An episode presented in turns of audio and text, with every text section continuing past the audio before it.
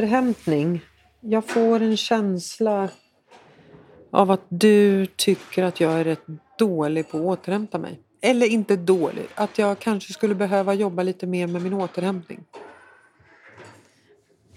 Men då tror jag att du, det beror på vad vi utgår ifrån. För att jag menar ju mer att jag tror att du har större kapacitet och mer potential än vad du kanske använder. Jag Det ligger, när vi pratar så så ligger det ganska långt ifrån att bristande återhämtning handlar om att inte riskera negativ stress. För det är inte det jag pratar om med dig. Nej. Utan jag tänker mer att du kanske inte riktigt använder din hjärna maximalt. Så skulle man kunna säga. Så skulle man kunna säga. Mm. Och det behöver man inte eftersträva. Nej, Vem har sagt att- Nej, men någonstans så vill man ju maximera. Vill man det? Mm. Jag vill det. Varför är det viktigt? Jag vill nyttja min fulla potential. För att... För att jag kommer behöva det för att nå det, de målen jag har. Jag vill liksom... Det handlar... Det är väl... han- Om man tittar på ledarskap så handlar det väl om att få sin personal att nå sin fulla potential. Och då menar du att du själv behöver växla upp? Eller vadå? Det finns ju massor sätt i mitt eh, arbete som jag tänker på ganska ofta där jag kan bli bättre. Jag kan jobba mer strukturerat. Jag är inte så strukturerad. Dels för att jag inte tycker det är så kul med administration och registrera allting och sådana saker. Är det det som eh, betyder strukturerat för dig? Ja, men nu, ja, men nu, nu, är jag, nu tänker jag liksom på försäljning där vi på mitt företag har jobbat jättemycket med försäljning och där är A och O att jobba strukturerat med kundlistor, ta reda på vilka nummer, vi- vilka kunder du ska ringa. Sen registrera dem i olika listor för att, för att ha koll på vilka har du ringt, vilka ska du ringa nästa gång och så vidare och så vidare. Det är liksom att rekrytera en säljare idag, då är liksom strukturen nyckeln till en framgångsrik säljare. Inte att han har en stor mun. Och där kan jag bli, eh, bli väldigt mycket bättre. För att du drivs mer av att en Jag känsla drivs där och då? mycket mer Typ. av mötet med kunden. Ja, och då får du fart, efterarbetet. liksom. Att Nej. registrera det här och vad kom ut av det och när ska jag ringa igen och man ska Mm. rapportera allting. Nej, det drivs inte jag av. Medan vissa älskar att jobba så strukturerat. Mm, fast ja, ja, men så är, jo, så är det nog faktiskt att vissa älskar det. Men, ja, men för de eh, vet inte vad de ska göra om de inte har sina listor. Nej, men, men då är det till exempel så här att jag har ju, eftersom jag har behövt jobba ganska hårt för att hitta struktur och kunna jobba mer strukturerat så har ju jag, när jag har gjort den förändringen har jag börjat känna att det finns en belöning för mig att göra det. För att jag känner ju att jag också, det är ganska så här skönt att få en kontroll Mm. som jag inte har haft förut. Och saker har gått bra för mig ändå, utan kontroll. Alltså till exempel så här, men säljarbetet. Så här. Mm. Ja. Och det har det gjort för att jag har varit driven av stunden, typ. Och så bara händer det, för att jag typ är motiverad. Mm. Ja. Men, men eh, sen har jag ju märkt, och det kan ju hänga ihop med ett tufft liv då, i många år. Alltså, du har levt så hårt liv. Andrea, du är ju en krigare tycker jag. Va? Jag blir lite trött i år. Nej, men det, som, nej, men det här med att så här, jag satt och pratade med en HR-chef ganska nyligen om det här med att uppdatera sin självbild. Det är ju faktiskt också en ganska viktig del i Ja, det. självledarskap. Men Alltså, är det något du har, tycker jag, så är det självinsikt. Om jag skulle beskriva dig så skulle jag säga att du har verkligen självinsikt. Ja, men att uppdatera självbilden. Det är där det brister, tänker du. Nej, men jag, jag, jag menar att, att jo, men jag, jag håller med dig sådär kanske då, men alltså jag menar att uppdatera självbilden så menar jag så här att jag skulle lätt kunna fortsätta ha en självbild av att jag är så här äh, driven, jävligt motiverad och liksom får saker att hända så här. Men eh, någonstans har ju så här livet förändrat mig. Verkligen. Eh, jag kan göra det idag också. Men eh, det är på ett helt annat sätt och jag, är, jag kan inte förlita mig på min egen drivkraft. Upplever du att du inte är lika driven idag? Jo, nej, men det är absolut. Men alltså det, det är inte Eh, det är inte drivet utifrån bara att vara driven för sakens skull. Jag jag har under väldigt många år bara varit driven. Och man har kunnat sätta mig i en riktning och så kör jag bara. Ja, du bara gasar. Ja, jag har satt mig själv i den riktningen då i och för sig. Men, men det har varit ganska omedvetet liksom. Den, den eh, förmågan har jag inte, på gott och ont. Därför att idag så kan jag inte ens... Idag kan jag tycka att saker är väldigt motiverande och ändå inte lyckas driva mig själv även om jag skulle kunna. Så här. Men jag känner efter och jag behöver återhämta mig och jag blir trött och jag liksom sådär. Det är lite mer balanserat idag. Och hur har du kommit dit då? Ja, det har ju varit några kriser. Det är det som gör att du blir mer balanserad nu. Så man behöver gå igenom några kriser för att bli mer balanserad. Ja men lite så här, så jag, för, för min del så har det ju faktiskt varit så. Jag kan ju inte säga något annat. Jag hoppas ju att inte andra behöver ha det så. Verkligen alltså. Men, men jag måste ju ändå säga att det är ju i ganska mycket möten med människor som går igenom livskriser, är utmattade, är deprimerade, hanterar en stor förlust eller mycket sorg i livet. Det är ju väldigt mycket i det där som det kommer en förändring hos människor som jag träffar. Och jag tänker att det är verkligen inklusive mig själv. Alltså, mm. eh, jag tänker att man kanske inte riktigt söker förändring förrän man måste. Nej, och en del jagar ständigt förändring för att man inte är nöjd. Du, så kan det vara. Nej, du, men jag tänker på många så här i, i yrkeslivet. Som tröttnar på sitt jobb efter liksom några veckor och ska hela tiden förändras och det ska vara nytt hela tiden för att de ska ha den där motorn. De har den motorn i sig. Alltså verkligen. Men jag tänkte faktiskt, jag, jag skämtade inte när jag sa du, för jag tänkte så här, äh, din man är ju ganska nöjd och tycker att du skulle också kunna vara ganska nöjd. Ja, precis. Han är lite mer lugn och balanserad och mer, ja precis. Och din business går bra, ja. men du är ju då, då hetsar du på lite grann. Liksom. Ja, och vad är nästa steg? Och jag, jag, tänker ju liksom framåt på ett annat sätt och det kanske beror på att jag själv är lite rastlös och känner att ja, men vad är nästa steg? Ska vi in i en ny bransch? Vad, vad, vart ska vi? Hur ska vi ta oss dit? Ja, jag vill också ha lite förändring för min, för min egen skull, för att jag själv ska få något att fokusera på. Jag tycker om att tänka. Jag tycker om att tänka nytt och tänka framåt. Och vad, vad kan man göra bättre? Om man tittar yrkesmässigt så, så är jag jättenöjd med vad, vad liksom, det här bolaget har blivit och vart vi är och så. Men jag tänker väldigt ofta att man kan göra det ännu bättre. Man kan slipa lite till och göra det ännu bättre. Mm. På gott och ont. Ja, men, men jag tänker så här, det är väl jättebra. Det finns ju inget negativt i det. Alltså... Nej, men man måste också så här lugna sig och uppskatta. Och det, det gör jag. Det gör jag absolut. Jag uppskattar. Men men det, det bor ju en liten tävlingsmänniska i mig som hela tiden tänker att det går att göra det ännu lite bättre. Ja, men jag tänker också att det är viktigt att inte skapa problem av något som inte är ett problem. Faktiskt. Alltså, det, du, du mår inte dåligt av det. Liksom. Nej. Alltså, sen så kanske det är så att eh, bakom den där rastlösheten då, jag menar, är du... Och det är man... därför jag kanske är egen nu.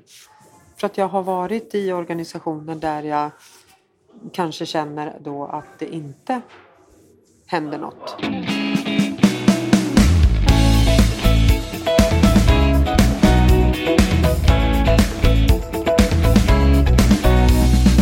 Ja men, eh, nej, men det här med återhämtning. Eh, men jag får en känsla av att du tror att jag skulle kunna liksom välja mer än vad jag kan välja.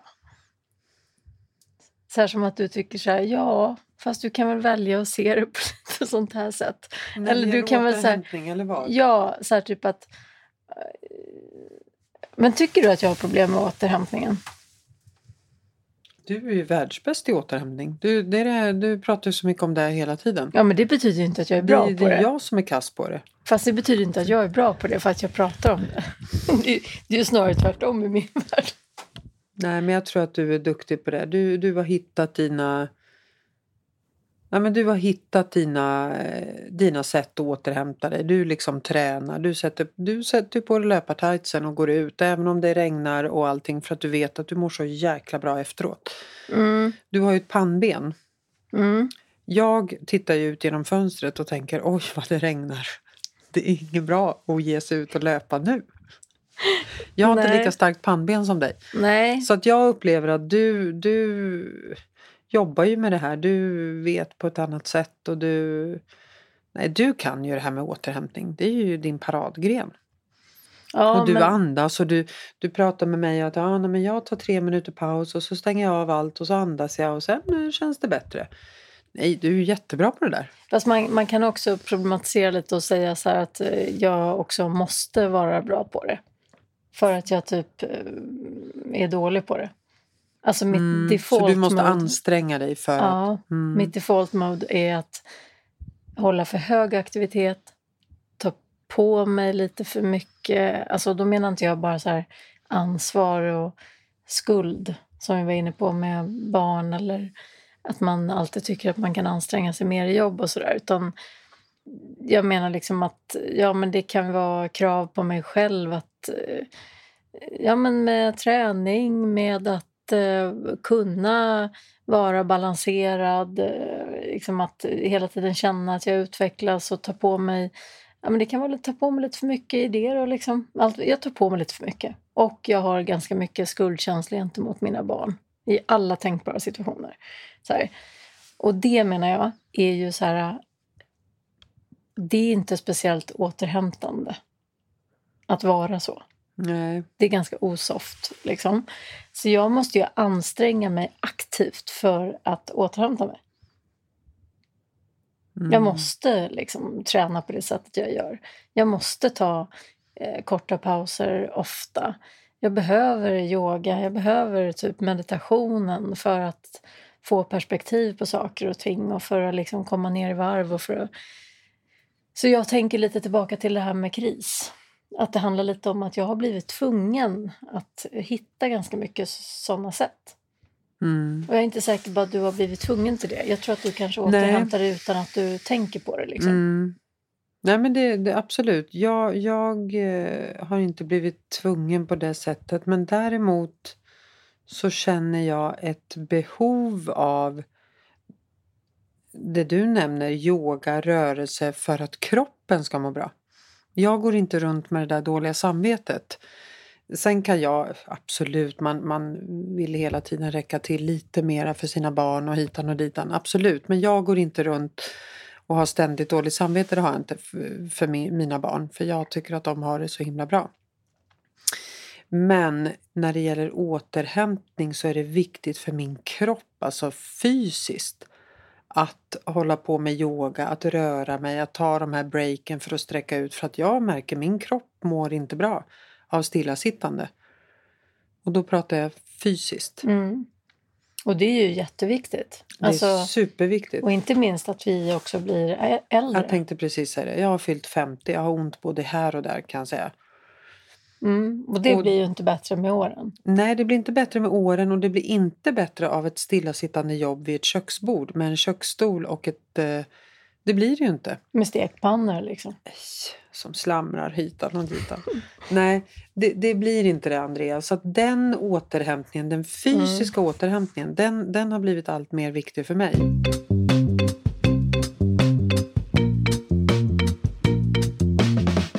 Andrea, hur skulle du beskriva mig med tre ord? Snabb, lite otålig och eh, det finns liksom en aggressivitet liksom, som finns där för att du är så genomsnäll. Så den kommer bara ut i, i en positiv anda.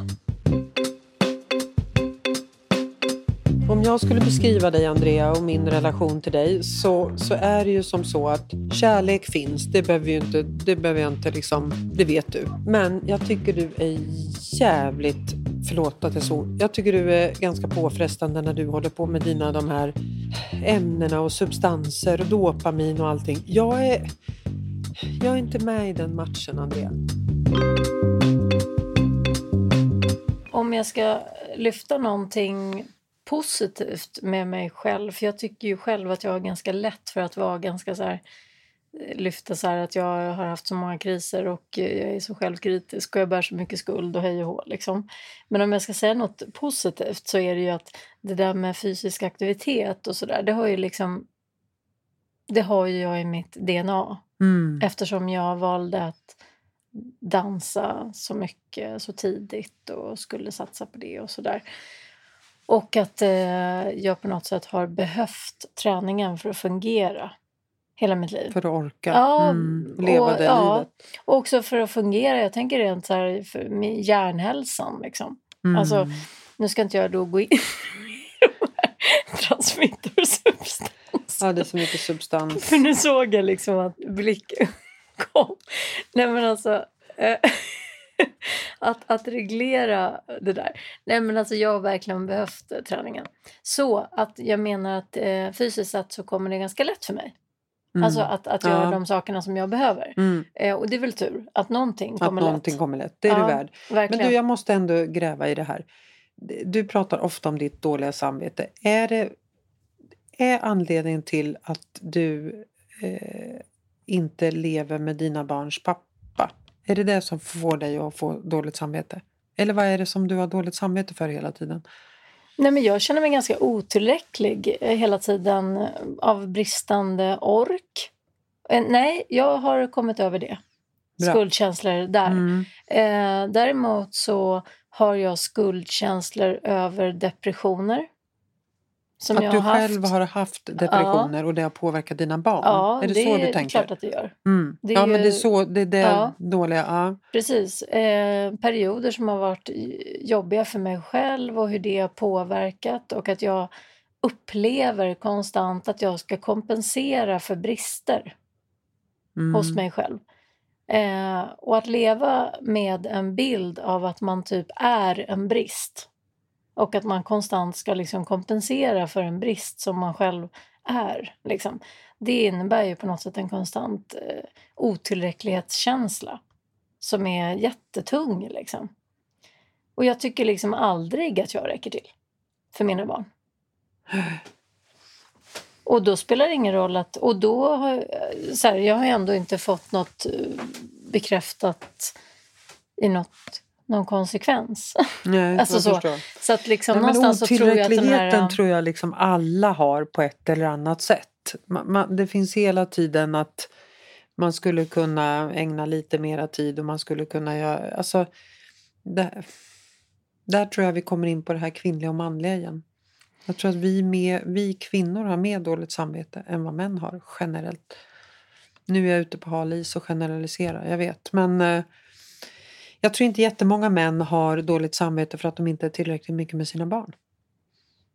Tror du det? Nej, men det, nej, det, det är möjligt att det är så. Men jag tror att de... Eh, jag, det som jag pratar om tror jag också är, skiljer sig från många kvinnor också generellt. Men jag tror absolut att det är vanligare med otillräcklighetskänsla hos kvinnor. Ja, det tror jag. Jag tror att det här med att kvinnor bär sina barn och ska fö- liksom föda och ska amma sina barn och att barnet är 100% beroende av sin mamma för att överleva första tiden tror jag ligger till grund för att vi känner skuld och otillräcklighet. Mm. Och vi kan gå in i varför. för, för att vi behöver inte göra det nu. Men jag tror faktiskt att det ligger i en, jag tror att det har med överlevnad att göra. Att säkerställa överlevnad hos våra barn. Men jag tänker också, nu finns det många som inte väljer eller kanske inte har valmöjligheter. Men det finns ju många som inte ammar. Har de mindre dåligt samvete tror du? Nej, men jag tror att även om man väljer att inte amma så tror jag att det är mer biologiskt sådär. Jag tror att många mammor väljer ju ändå att ge flaskan då. Liksom. Mm. Jag tror inte, jag, jag är ju ganska mycket biolog på det sättet. Jag tror ju inte att bara för att man väljer att inte amma så är det ju så här att bebisen har funnits i mammas mage i nio månader. Det tar minst nio månader när barnet har kommit ut för mamman att separera från barnet. Och jag tror att det tar längre tid än så. Mm. Alltså det här att liksom... Eh, jag har ju upplevt det liksom fyra gånger och jag tycker att man har pratat med många kvinnor om hur man upplever att bli mamma. Alltså när barnet kommer ut så upplever man ju en väldigt stark drift i att säkerställa barnets överlevnad. Mm. Och det är faktiskt de flesta som upplever det. Mm. Ja, Tror jag också. att, att man har en förmåga att kunna sätta ganska mycket åt sidan för att barnet ska få det den behöver. Och då menar inte jag att lägga skuld på mammor som jobbar också, för det tycker inte jag behöver vara en motsättning. Jag tycker att det där är också något som jag blir provocerad av. Jag menar så att man skulle säga att eh, bara för att man väljer att jobba när barnen är små, Mm. så att det skulle vara att man på något sätt bortprioriterar. Det är ju lika mycket att bortprioritera att gå in i strykning och städa ett hem i så fall. Det är lika, Mm. Hemarbete kan ju vara lika ockuperande som... Så jag menar inte det. Jag menar mer att, att jag tror att vi är ganska styrda i att tillfredsställa den här lilla individen. Eh, Liksom ganska lång tid. Mm. Mm. Och det tror jag skapar ganska mycket förutsättningar för det här att det spelar ingen roll att ungen är 12 Nej. man har på något sätt ett vakande öga i vad de där ungarna behöver hela tiden. Mm. Och det tror jag är ganska biologiskt.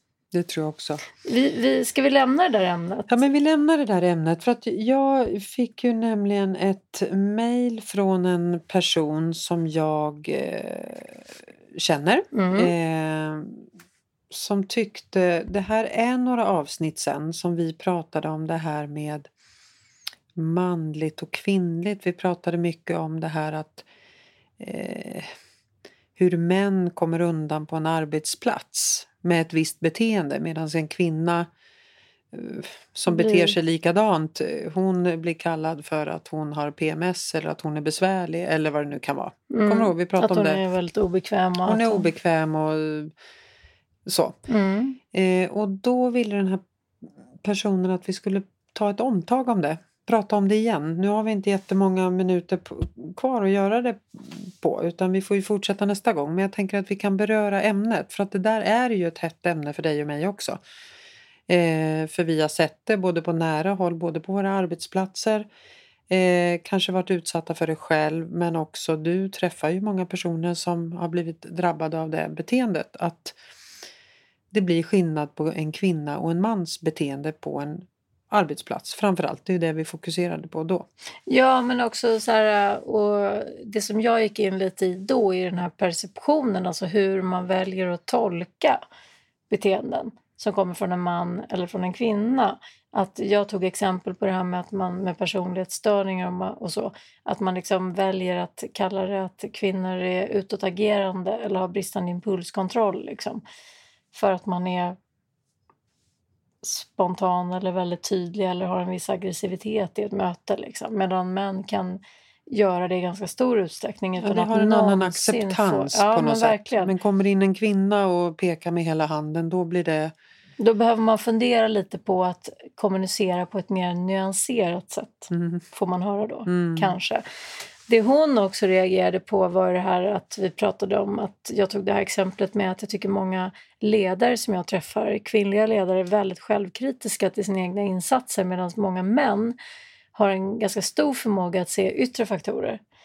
Och, eh, och hon tyckte att det verkligen stämde och så pratade vi vidare om det när vi hade möte med henne. Eh, då pratade vi om att eh, det det också handlar om det är ju att man kan komma överens då om till exempel i en ledningsgrupp då att det är väldigt liksom, viktigt att vi kan liksom, bjuda på sårbarhet, att vi kan bjuda på våra svagheter. Ingen är perfekt liksom, utan att så här, det här behöver jag jobba med och sådär. Och så är man överens om det och sen som hon sa så gör man det själv liksom. Ja, så gör man det och verkligen så här står för att man liksom tillkortakommanden och utvecklingsområden och sådär. Och sen händer ingenting på andra Nej. sidan. Men och då har hon- man ju helt plötsligt verkligen förstärkt Mm. att man är sämre Mm. som människa. Man har Men det hon reagerade mycket roll. på var ju också att när man när hon började på den här arbetsplatsen så var ju sägningen att här är det högt i tak och vi är väldigt glada om du liksom säger vad du tycker och tänker. För det är viktigt för oss. Och sen när väl personen gör det, då är det inte så högt i tak på den där arbetsplatsen för man kan inte ta det. Det är ju ganska fascinerande kan jag tycka. Att först ber man om den här feedbacken och sen när man väl får den så händer ingenting. Nej, men eh, precis därför att det ställer krav på förändringsförmåga. Ja. Men också det där som jag tycker som hon tog upp att det blir liksom dubbelt då. Att så här, om man då dessutom bjuder på det själv och är ganska uppriktig med att det där har jag varit med om faktiskt flera gånger. Det där är nästan ett tillkortakommande hos mig. Att jag kan liksom så lätt bjuda på mina egna svagheter. Mm. Ja.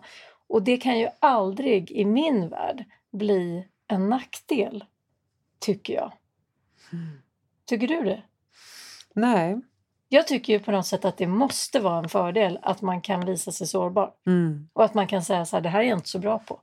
Eller det här tycker jag är så här jättesvårt. Hur gör man med det här? Eller be om hjälp. Ja men verkligen. Ja, det kan ju verkligen. aldrig vara liksom, det kan aldrig bli en belastning Nej, för personen Till en själv. persons nackdel. Nej, tvärtom. Men det var Tvärtom. det vi satt och pratade med henne om. Att eh, jo, det kan det visst det. För att om man då sitter i en ledningsgrupp där eh, männen säger att eh, det är jätteviktigt och det ska vi börja jobba med. Och sen gör ingen det. Nej. Och så sitter det någon kvinna där och någonstans bjuder på alla sårbarheter man har och bara, Mm. liksom med hela sitt register. Mm. Och eh, helt plötsligt har man ju liksom tagit Blottat på sig sig alla helt. fel och brister Mm. för hela organisationen då. Mm.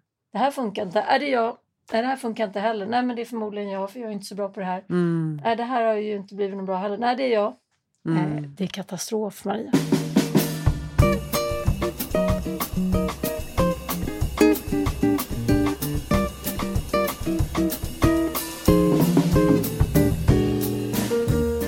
Man kan ta det lite lugnt med förväntningar på sig själv att man ska kunna driva alla förändringar. Mm. Ja, om du vill att det ska vara så att eh, medarbetare eller ledare eller säger vad de tycker. Mm. Mm, då kan det ju få stanna där och att man liksom väljer att inte gå in i försvar. Förstår du vad jag menar med Mm, skillnaden? mm. Ofta ligger det liksom ett ansvar på något sätt i att man tänker att eh, om man eh, tillåter att det ska vara högt i tak och man ska säga vad man tycker och om det här för sig kommer här så vill jag att det kommer fram och sådär. Ja, och så vill man att det ska komma fram och så kommer det fram och så blir det ett krav på att man också ska agera på det. Precis. Och där menar jag så här att det behöver man inte göra. Nej. Men man behöver heller inte gå in i försvar. Nej, men jag tror att är du inte beredd på konsekvensen så ska du inte säga att det är högt i tak. Utan då kan du bara skippa den meningen, tänker jag. Ja, eller så kan det få vara högt i tak men att man, så här, man kan väl ta in och vara tyst. Ta in och vara tyst. Ja, Ja. tills man orkar göra någonting åt det. Ska vi liksom ja, men det, där får, det avrunda får vi lite liksom runda av med. där innan jag går i taket helt?